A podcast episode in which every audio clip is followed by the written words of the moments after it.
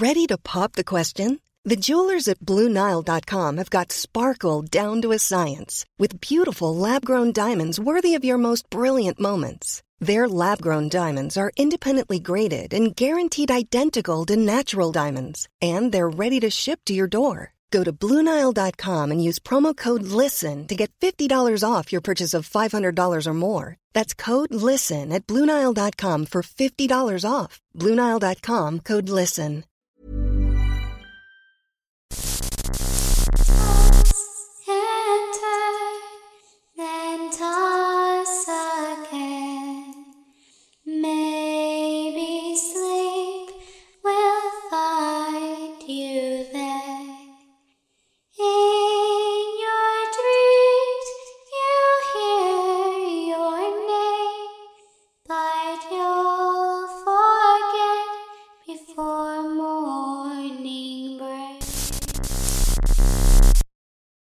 Och välkomna till Mardrömmarnas podd. Idag så kommer vi släppa ett litet extra julspecialavsnitt för att öka julstämningen för er där hemma. Så luta er tillbaka med ett glas julmust och njut av den här berättelsen.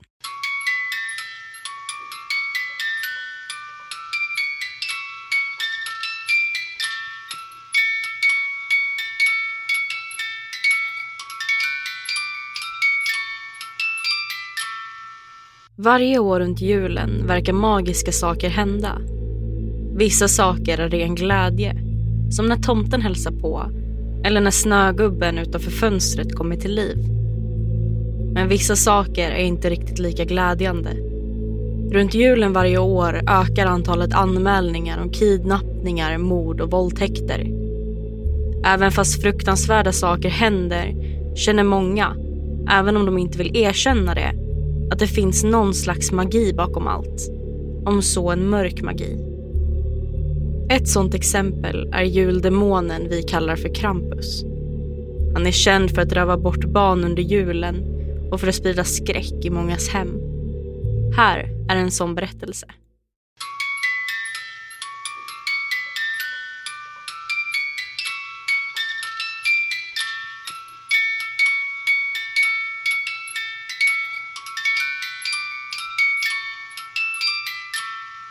6 december. Jag heter Elias Olsson och är 11 år i skrivandets stund. Det jag skriver är något som jag aldrig skulle kunna berätta till min familj, för de skulle inte tro på mig. Jag har ofta hört att jag är väldigt smart för min ålder, just för att jag säger och gör saker som många i min ålder inte brukar. Men när jag berättar om mina olika upplevelser, oavsett hur mycket jag försöker få dem att tro på mig, så gör de inte det och säger bara att det är min fantasi. När jag tittade ur mitt fönster idag kunde jag se skuggan av en man med horn. Hans ögon såg ut att lysa orange och helt ärligt blev jag väldigt rädd. Han stod bara där och ringde i massa bjällror. Trots min rädsla försökte jag lägga mig i sängen igen för att sova. Då hör jag någon som knackar på dörren. Jag går ner för att se om det är någon som ville mina föräldrar något. Men innan jag hunnit öppna dörren släpps ett kort ner för brevinkastet. Och vem det än var som lämnat kortet var han väldigt snabb. För när jag väl skulle öppna dörren så var han borta. Kortet hade en bild av en varelse med tjurben, svans och horn på ett läskigt gethuvud. Men varelsen såg ändå mänsklig ut på något sätt. Jag blev så rädd över tanken att det kanske var en bild av varelsen som jag sett tvärs över gatan. Men jag hoppas att jag har fel. Jag visade kortet till min pappa som då berättat varelsen på kortet hette Krampus. Han sa att Krampus straffar stygga barn varje jul medan barn som varit snälla och duktiga får paket från tomten. Det fick mig att bli lite mindre rädd för jag vet ju att jag har varit duktig. Men jag valde att inte berätta om varelsen tvärs över gatan. 23 december. Mina föräldrar skulle vara borta hela natten och julaftonsmorgonen på grund av någon dum jobbgrej. Mamma sa till min storebror Marcus att vi skulle få ha en barnvakt under natten. Marcus har fått passa oss själv tidigare men eftersom det skett för många olyckor de senaste gångerna så litar inte hon på att han kan ta hand om alla oss själva denna gången. Så de ringde hit Rebecka. Rebecka kom fram vid femtiden och mamma och pappa åkte iväg direkt. Hon var väldigt vacker och jag märkte att Marcus inte kunde sluta titta på henne. Detta var första gången som Rebecka skulle passa alla oss barn på en gång och jag tror inte hon vet vad hon har gett sig in på. Min yngsta syster Molly som bara är tre år började skrika så fort våra föräldrar åkt. Hampus och Lukas som båda var fem år började bråka med varandra. Marcus var den som pratade mest med Rebecka under kvällen medan Malin spenderade kvällen på sitt rum. Rebecka började lägga alla i sina sängar vid åtta och inte förrän halv tio hade hon lyckats få alla att somna. Jag vaknade mitt i natten och såg att månen lyste röd mot den annars vita snön. Och när jag tittade ut ur fönstret såg jag ett rött föremål komma flygande mot huset i snabb fart. Det var svårt att se vad det var till en början men till slut kunde jag se konturen av en släde dragen av renar. Jag kände då igen det som tomtens släde och smög ut i trappan för att kunna se honom när han kom ner för skorstenen. Ut genom fönstret till höger om kaminen såg jag släden flyga för att landa på taket. Då började hovar höras uppifrån taket och sen också fotsteg. Jag försökte vara så tyst det bara gick och satt i vad som kändes som en evighet innan jag till slut hörde aska och damm trilla ner för skorstenen som följdes av en duns och ett par svarta stövlar. Ut kom tomten med en påse fylld av julklappar på ryggen. Utan att säga något gick han till granen och började placera ut alla julklappar. Sen gick han tvärs över rummet för att dricka av mjölken och äta av kakorna som vi placerat ut tidigare den kvällen. Det var då jag märkte att jag hållit andan under hela den här tiden. Jag kunde knappt tro mina ögon. Jag satt och tittade på självaste tomten. Så småningom gick han bort dit vi hade hängt upp våra julstrumpor och började lägga ner småkrams och godis i dem. Och han började med Mollys strumpa. När han kom fram till Lukas strumpa tog han upp en liten svart sten och såg sorgset på den innan han la ner den. Och det tog några sekunder innan jag insåg att det var en bit kol. Jag försökte kväva ett skratt men det misslyckades och tomten vände sig genast om för att se vart ljudet kommit ifrån. Jag satt så stilla jag kunde och när han inte hittade något så vände han sig om igen för att lägga en kolbit i Hampus julstrumpa med. I Marcus stoppade han en polkagris och en fickkniv. Och Malin fick en ny telefon och några KitKats. Till slut var det dags för min strumpa som hängde längst ut trots att jag var mellanbarnet. Jag kollade nyfiket på medan han rotade i säcken för att till slut ta upp en stor bit kol. Då kände jag en våg av ilska i mig blandat med sorg och ånger. Jag var på väg att ställa mig upp för att säga något. Men då vände tomten på sig och hans ögon var fyllda av tårar. Som att han inte ville behöva ge kol till barn som var dumma. Det var av den anledningen som jag förblev tyst medan tomten började klättra upp för skorstenen, satte sig i sin släde och flög iväg igen genom den mörka natthimlen. Jag satt där länge och funderade på hur jag skulle kunna bli bättre inför nästa år och slippa få kol igen. När jag såg något genom fönstret. Det såg likadant ut som tidigare, men denna gången var släden svart.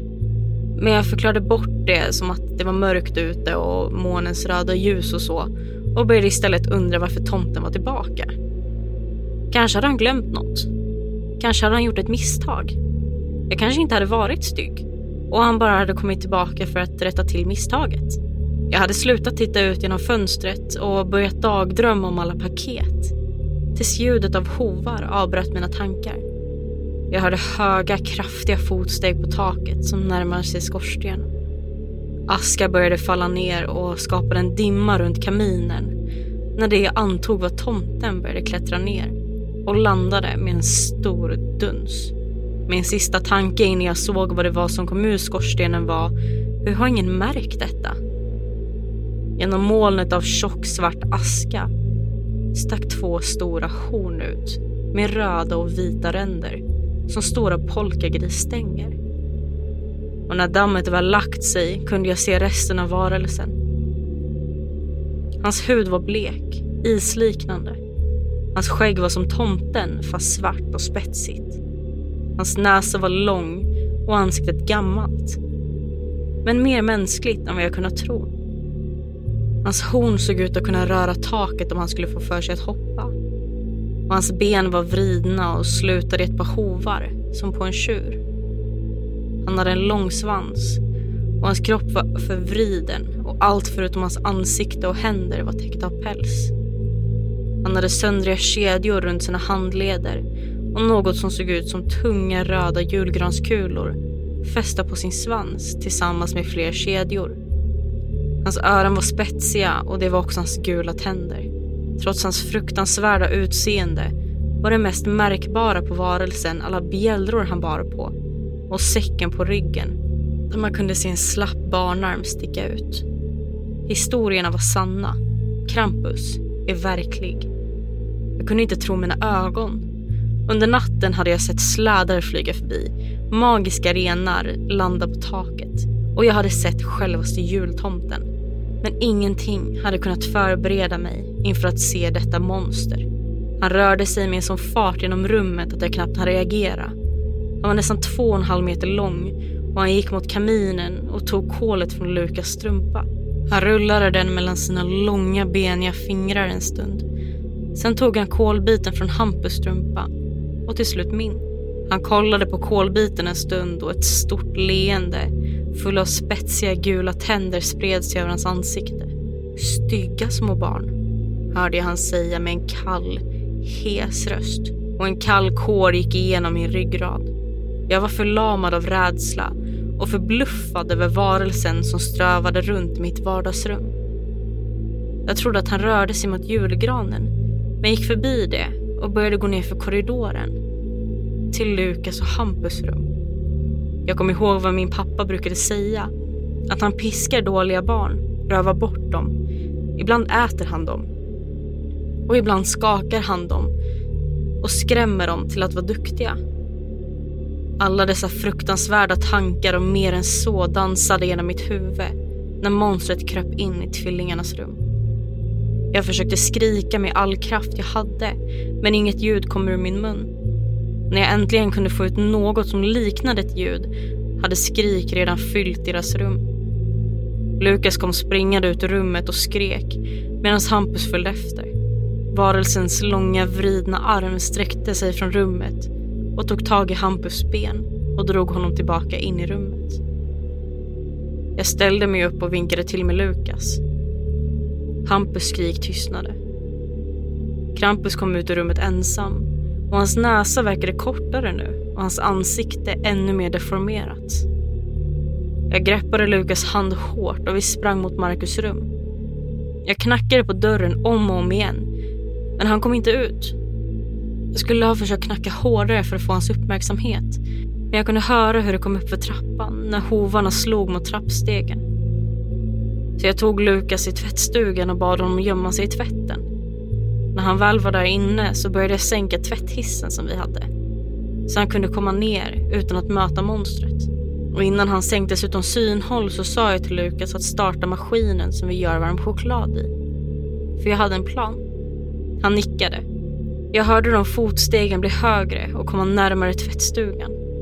Så jag började dra upp tvätthissen och klättrade in precis som dörren öppnades våldsamt. Trots att den var låst.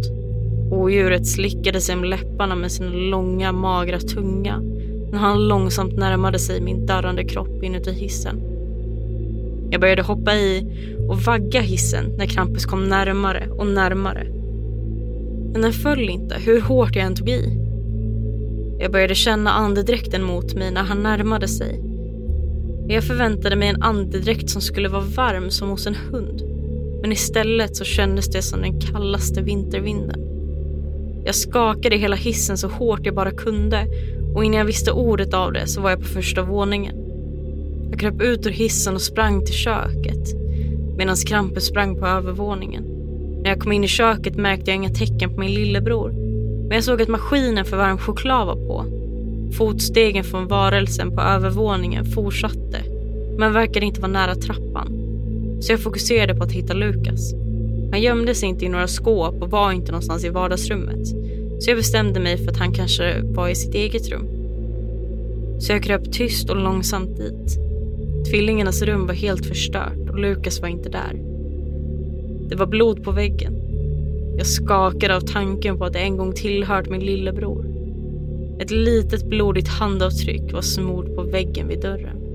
Skräck var allt jag kunde känna i det ögonblicket. Fruktan för att det inte uppfört sig under hela året. Fruktan för vad som hade hänt för min lillebror. Och fruktan för tystnaden som föll istället för hovar som stampade runt på övervåningen. Jag tog mig snabbt och tyst tillbaka till köket och tog ut en stor kanna med skållande varm choklad. När jag gått till vardagsrummet hade jag en olycksbådande känsla av rädsla, som om jag betraktades. Jag kunde knappt se i mörkret på natten och jag kunde inte hitta våra strömbytare. Den enda ljuskällan jag hade var det svaga kusliga skenet från julgranens lampor. När jag hade skannat alla ingångar till vardagsrummet såg jag något röra sig. Ljuskronan hade börjat gunga, som om något hade stött till den. Det var ett mjukt dunkande som åföljde den gungande ljuskronans knakande. När jag såg mig omkring för att få fram en annan vag form i den glödande julbelysningen så såg jag vad som hade stött på ljuskronan. Krampus kröp mitt tak som en stor vriden spindel. Hans armar var böjda och den tittade på mig med ögon som såg ut att brinna av eld. Jag ville skrika när jag såg det, men istället höll jag mig. Ett ont leende spred sig över monstrets ansikte. Han tog bort fingrarna från taket och landade på golvet framför mig med en dånande krasch. Bara några centimeter från mig. Detta var hans misstag. Jag kastade hela kannan med kokande varm choklad i hans ansikte och odjuret började genast vrida sig av smärta. Han täckte händerna över sitt ansikte och han tog händerna från ansiktet precis när det började smälta. Bitarna av kött och blod smälte bort för att avslöja hans hemska skalle med ögonen som fortfarande satt fast. Han frös till ett tag och för ett kort ögonblick var jag lyckligt säker och nöjd med att Krampus var död. Men då började jag skratta. Ett riktigt fruktansvärt och illvilligt skratt. Det genomborrade mina öron som knivar och sköljde över mig för att införa så mycket rädsla som möjligt. Det fungerade. Framför mina ögon så började musklerna runt varelsen växa tillbaka och på några sekunder hade det ett nya ansiktet bildats. Det såg mer ut som en get med spetsiga tänder än en människa. Men man kunde fortfarande se en delvis människa där inne.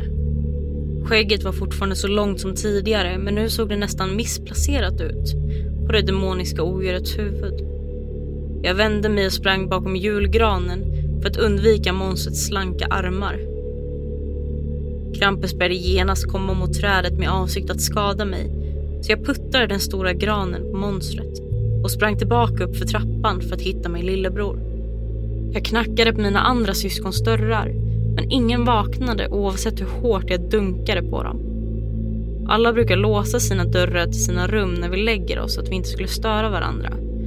Men dörrarna är dessutom tunga och stora så inte mycket ljud kommer igenom dem. Jag började skrika på Lukas så högt jag kunde i hopp om att han skulle svara. Så dök Lukas upp. Vi stirrade på varandra. Han såg livrädd och ledsen ut. Jag började gå mot honom när min bror plötsligt spetsades av Krampus horn. Hans kropp kastades upp och kastades runt av den vilda varelsen när han krampade och skakade spastiskt på dess horn. Jag har sett människor dö på tv tidigare. Men att titta på det i verkliga livet är helt annorlunda.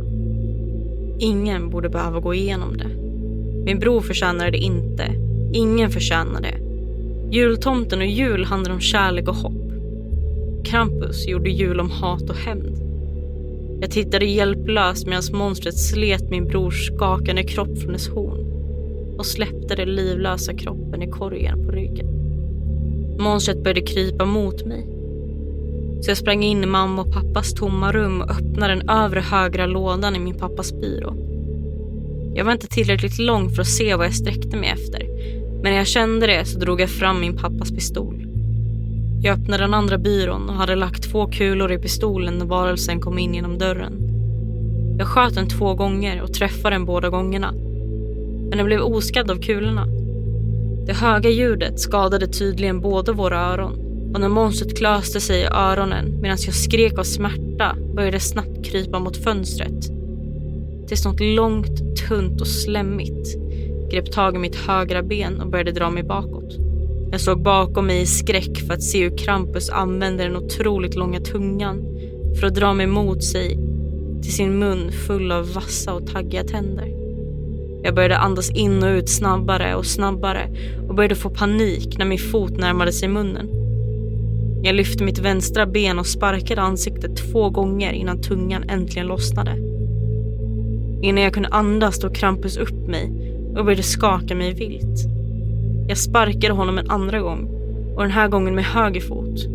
Och han kastade mig in i hallen där jag började halta iväg. Jag hade nått slutet av hallen när jag hörde ett högt piskljud. Ögonblicket innan jag kände en skarp smärta på ryggen. Jag tittade bakåt och såg att monstret hade piskat mig med en piska som en lejontamare använde.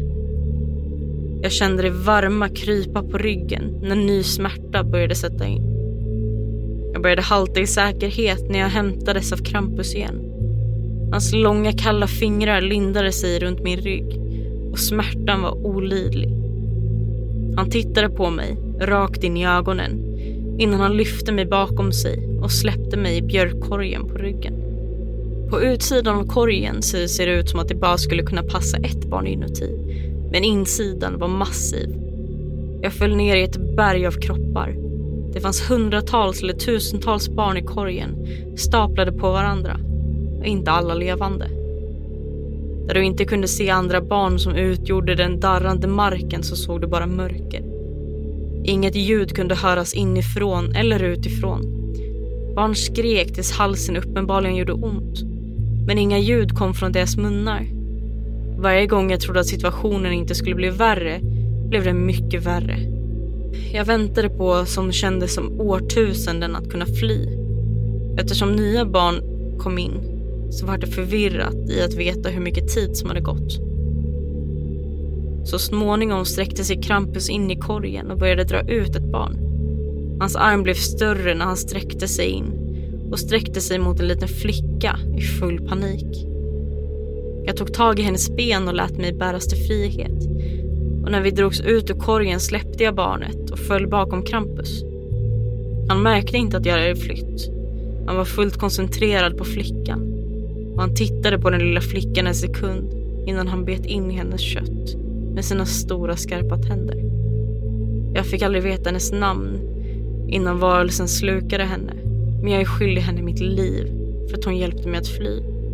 Jag ryggade långsamt bakåt när Krampus åt på barnet vid middagsbordet. Jag hade ingen aning om var jag var nu, men det var mörkt och det var kallt. Jag tror att det är där varelsen bor. Efter att monstret hade ätit plockade han upp en liten trälåda, öppnade toppen och spottade något som glödde ljusgrönt i den. Han tog sedan lådan över till en rostig dörr som han öppnade, gick in i och sen lämnade några minuter senare utan lådan. Han lämnade sedan rummet och lämnade barnets rester på en stor tallrik och en stor rostig dörr till min nyfikenhet. Jag öppnade dörren för att se dussintals fler trälådor. Jag såg också många läskiga porslinsdockor och andra läskiga leksaker. Dörren bakom mig stängdes och jag gick fram i totalt mörker. Jag tog ur min telefon och använde den för att kunna se. Jag gick förbi en babydocka som såg vissen och gammal ut och jag hittade en säckdocka som såg ut som ett läskigt ruttnande skelett. Jag trodde att det var som tomtens avvisade leksaksaffär tills jag hittade ordet missanpassade utsmetade i röd färg bredvid en clown med en skalle med två blåa ögon och stora köttiga tänder. Jag var livrädd att någon annan fastnade i rummet tidigare och när jag kom närmare clownen hoppade den mot mig och skrek “Vill du leka?” Jag blev riktigt rädd och hoppade tillbaka när clownen började skratta. Jag hörde små fotsteg av andra leksaker från hela världen och jag började se dockorna och de andra leksakerna som vred på huvudet när jag sprang längs väggarna för att försöka hitta dörren. Och jag hittade ett annat meddelande på väggen. Varför kan vi inte dö? hade skrapats in av någon. Jag vill inte mer än att denna natten skulle ta slut. När jag väl hade hittat dörren bultade jag. Men snubblade på en legosoldat med realistiska brännskador på halva ansiktet. Jag sparkade bort den lilla plastbiten och gick närmare dörren. En deformerad baby hade visat sig i mörkret och sänkt tänderna i mitt ben. Jag kände en ökad smärta och föll till marken. Jag slog rasande dockans huvud upprepade gånger tills den lossat sina små tänder från mitt kött. Leksakerna började dansa runt mig i mörkret. Fler och fler av dem dök upp. De kom upp ur lådorna som den som Krampus hade spottat i, den glödande saken. Leksakerna började mumla ord, men jag kunde inte ta reda på vad de sa. Mumlingarna blev högre och högre tills jag förstod några av deras ord. Känn vår smärta. Han dödade oss, men inte helt. Han slog mig och spottade min själ i en marionett. Döda oss. Låt oss dö. De saker de sa var minst sagt fruktansvärda. Jag ställde mig upp och började gå mot dörren när dockorna började säga ännu mer saker. Vi äter dig levande som han åt oss. Jag ska riva ut dina ögon. Och även om de fortsatte att skrika så närmade sig ingen av dem. Jag såg en litet leksaksskelett i tomtens kläder med skägg flyga förbi. En marionettdocka med många naglar som stack ut ur trähuvudet spändes upp i taket och rörde sig och vred sig med sina strängar. Jag såg en pall som drogs upp till en arbetsbänk med verktyg och en nalle på. Nallebjörnen hade riktiga björnklor som stack ut ur hans tassar och riktiga mänskliga tänder i munnen. Jag försökte resonera att detta var Krampus sjuka leksaksaffär och bestämde mig för att lämna innan det var för sent. Jag gick förbi bänken till dörren och började dra i det rostiga metallhandtaget. Dörren var extremt tung. Men gled långsamt åt sidan och började öppnas. Jag drog mig tillbaka med all min kraft. Ljuset började lysa in i rummet och de leksaker och leksakerna drog sig åt sidan för att undvika ljuset. Jag sprang från det mörka rummet, stängde dörren bakom mig och lutade mig tillbaka på den. Jag tittade omkring på det enda rummet på den här platsen som var bekant för mig. Jag gick bort till det långa bordet som monstret åt den namnlösa flickan på och försökte att inte tänka på det. Jag försökte tänka på något. Något som distraherar mig från de fasor jag vittnat om. På den mest intet ont anande och lyckligaste tiden på året. Jag gick till en öppen dörr och stack ut huvudet för att skanna rummet. Det ledde till ett stort rum med olika piskor, sågar och andra olika tortyranordningar. Jag gick längs väggen för att undvika verktygen, direkt till den enda dörren jag hade kvar att testa. Jag öppnade dörren långsamt och med försiktighet. Det första jag märkte i rummet var ett konstigt träd som såg ut som en upp och nervänd julgran. Trädet hade dekorerats med röda och gröna lampor och små ben. Det fanns en liten dörröppning som ledde till en hall med två skyltar märkta anvisningar. Den högra sa övervakningsrum och den vänstra sa stall. Jag gick till stallet och tänkte att jag kanske kunde hitta en ren att flyga ut från den här platsen med. Det verkar som en fånig plan nu i efterhand. Men jag öppnade dörren och fruktansvärda dofter invaderade genast mina näsborrar. Det var frost på golvet också. Det fanns åtta boxar uppställda längs väggen till höger. Var och en med demoniska renhuven som stack ut. Under varje huvud fanns det namn. Jag läste namnen högt för mig själv och varje ren var grotesk på sitt eget sätt. En eller två hade beniga skallar och några av dem hade taggiga tänder. Vissa hade manor och andra hade torkat blod på pälsen. Sju av deras ögon glödde rött. Slasher, sa jag när jag passerade den första. Wrath, Gorgon, Putrid, Cyclops. Cyclops saknade ett brinnande öga. Rabies. Goner. Den sista monströsa renen såg ut som helvetes version av Rudolf. Hans huvud höll lågor som dansade från den knottiga nosen till baksidan av manen. Jag bestämde mig för att åka på en och var utesluten och började leta efter en utgång. Jag insåg att den enda dörren in till rummet var den jag kommit ifrån. Jag letade över hela rummet och letade efter någon väg ut. Så jag lämnade stallrummet och gick över till övervakningsrummet. Handtaget kändes iskallt när jag sakta öppnade dörren. Rummet var som alla andra, var stort. En vägg var täckt med bildskärmar. Den nedre, mellersta bildskärmen stack ut mer än resten och hade tangentbord under sig. Varje skärm hade olika barn på sig. Några i fruktansvärda förhållanden. Inget ljud kom från bildskärmarna. Men jag började märka att jag hörde tickande ljud. En klocka ovanför dörren som jag kom in genom hade 5.45. Jag såg en dörr som hade ordet utgång på sig. Den var till höger om bildskärmarna. Men på datorn så stod det söknamn. Så jag satte mig på den stora stolen och skrev Hampus Olsson. En nötknäppare som hade två kroppar fästa från sidan av huvudet dök upp. Varje kropp verkade försöka rycka bort från den andra och ansiktet såg ut som det hade ont. Det hade samma ögonfärg som Hampus. Och Lukas. Så jag sökte på Lukas Olsson och samma sak dök upp. Jag satt frusen i ett ögonblick. Tårar fyllde mina ögon och rann ner över kinderna. Jag grät mer och mer än vad jag någonsin gjort förut. När stolen som jag satt i snurrade plötsligt runt. Och helt plötsligt så var jag ansikte mot ansikte med Krampus. Han såg hotfull ut och hans horn var delvis blodfyllda. Hans långa fingrar såg skarpa ut och hans ögon brann som aldrig förr. Han viftade sina långa skarpa beniga fingrar mot mig. Han slickade mitt ansikte med den otroligt långa tungan och började sedan dra runt den runt min hals. Så drog han åt och började kväva mig. Jag gurglade och hostade och kämpade, men ingenting hjälpte. Jag började känna mig svagare och svag medan mitt huvud höll på att brinna upp och mina lungor skrek efter luft. Min syn började bli suddig och jag visste att om jag inte gjorde något snabbt så skulle jag dö. Jag slog honom i hela ansiktet och till slut lyckades jag slå så hårt att hans tunga lossnade.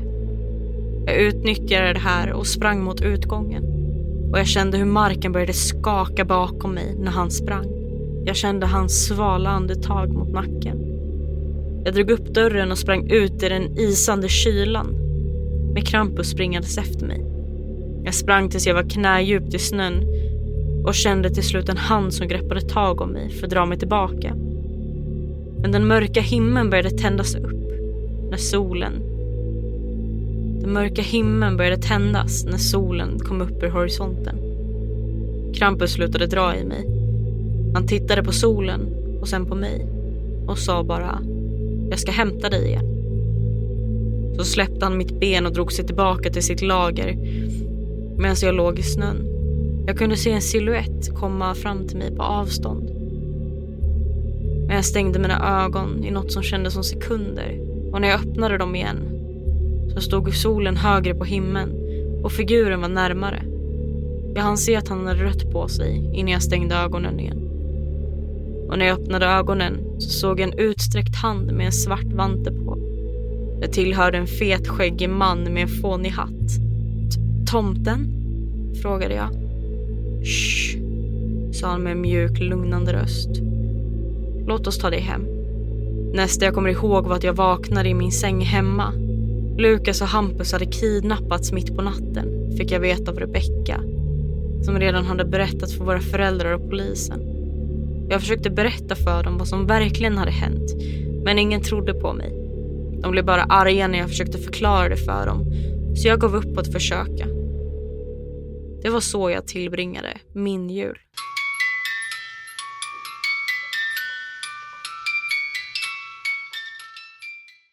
Tack för att ni har lyssnat på den här lilla extra julspecialen som vi har haft idag.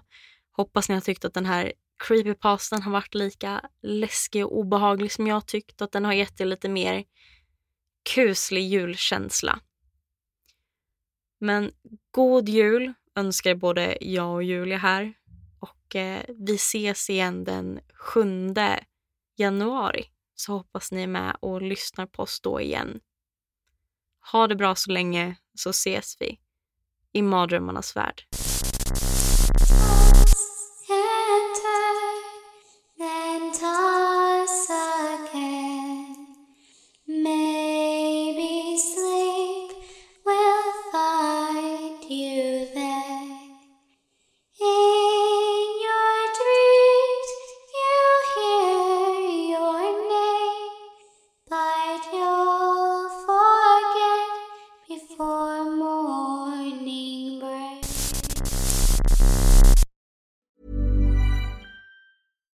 When you make decisions for your company, you look for the no-brainers. And if you have a lot of mailing to do, stamps.com is the ultimate no-brainer. It streamlines your processes to make your business more efficient, which makes you less busy. Mail checks, invoices, legal documents, and everything you need to keep your business running with stamps.com. Seamlessly connect with every major marketplace and shopping cart. Schedule package pickups and see your cheapest and fastest shipping options from different carriers with rates up to 89% off USPS and UPS rates. And with the stamps.com mobile app, you can take care of mailing and shipping wherever you are. Make the same no-brainer decision as over 1 million other businesses with stamps.com. Sign up with code program for a 4-week trial plus free postage and a free digital scale. No long-term commitments or contracts. That's stamps.com. Code program.